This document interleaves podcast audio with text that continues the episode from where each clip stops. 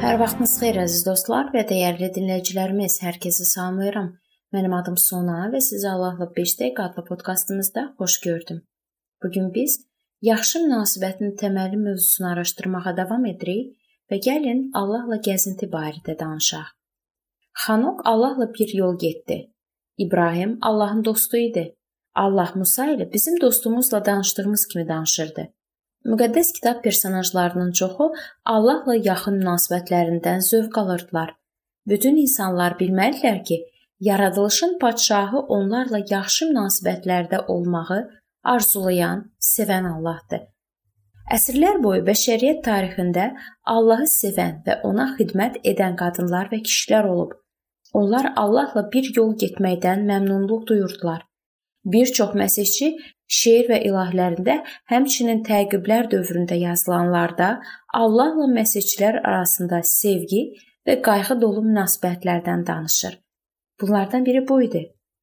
Biz dar cığırla gedirik. Yolumuz çətin və kələkötür.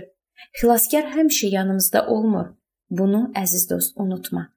Büdrəyə-büdrəyə getsən də yıxılırsan, qalxmaq çətindir. Ümidini itirmə əziz dost. Qalx və getməkdə davam et. Qaranlıqda yolunu azanda, hara gedəcəyini bilməyəndə darıxma. Allah yanındadır. O yolda yardım edəcək. Özümüz getməyə güc tapmayanda yalnız onunla gedə bilərik. Tezliklə öz evinə salacaq bizi. Bunu əziz dost, unutma. Məsihçilər bilməlilər ki, Allah haradasa yox, lap yaxındadır. Heç şübhəsiz biz haqlı olaraq Allahı kainatın qüdrətli və uca hökmdarı hesab edirik. Bununla belə anlamalıyıq ki, hər bir adama şəxsən maraq göstərməsi üçün o kifayət qədər böyükdür. Onunla bizi narahat edən və ya bizə sevinc gətirən şeylərlə bölüşə bilərik. Buna görə də gəlin insanlara qarşı hətta mənfi hisslərimizi belə Allahla bölüşək. Həqiqi hisslərimizi gözlətməyə ehtiyac yoxdur. Onsuz da Allah onları görür. Özünü məsihçi adlandıran bir qadın iddia edirdi ki, heç kəsi nifrət edə bilmir. Lakin onun davranışlarında nifrətin bütün elementləri sezilirdi. Bir müddət sonra o imanlar cəmiyyətindən getdi və bu gün mümkün olan bütün mənəviyyatsız işlərdə adı hallanır. Əgər o Allaha və onun xalqına açıq olsaydı, bilərdi ki, yaxın münasibətlər kamil sevgisiz mümkün deyil. Kamil məhəbbət qorxunu qovar. Bu 1-ci Yəhya 4:18-də yazılıb. Hətta günahlarımızın faş olması qorxusuna da. Təbii düşüncə tərzinin əksinə olaraq Allahın qarşısında pisliyimizi açıb tökəndə və ondan bizi qardan ağ etməyə xahiş edəndə də o bizi sevir. Bu həqiqətən bizə Luka 15-də yazılan itmiş oğul məsələsindən məlumdur. Oğul hər şeyi israf edib atasının lütfündə layiq heç nəyi olmadan onun yanına qayıdır. Amma atası lütfkarlıqla onu qəbul edir. Müqəddəs kitabda Allahla yaxşı münasibətləri olan bir çox adamlar haqqında oxumaq olar. Məsələn, Yusifi xatırlayın. Ətrafdakılarla yaxşı münasibəti onun Allahla yaxşı olan münasibətinin nəticəsi idi.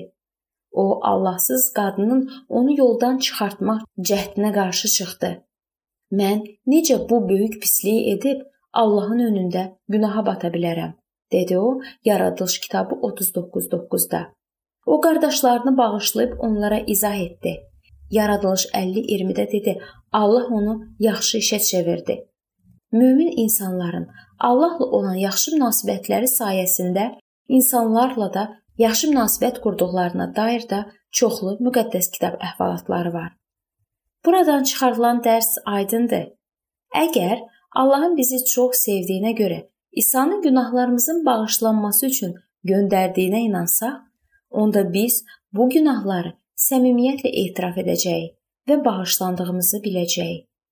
Allahla münasibətimiz yoluna düşəndə bizə qarşı günah edənləri asanlıqla bağışlaya bilirik və bizim ətrafdakılarla yaxşı münasibət qurmağımız üçün etibarlı əsas yaranır.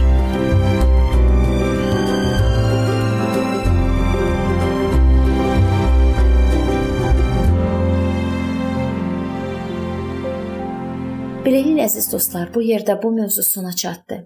Hər zaman olduğu kimi sizi dəvət edirəm ki, bizim podkastlarımızı Facebook səhifəmizdən və YouTube kanalımızdan dinləməyə davam eləyəsiniz.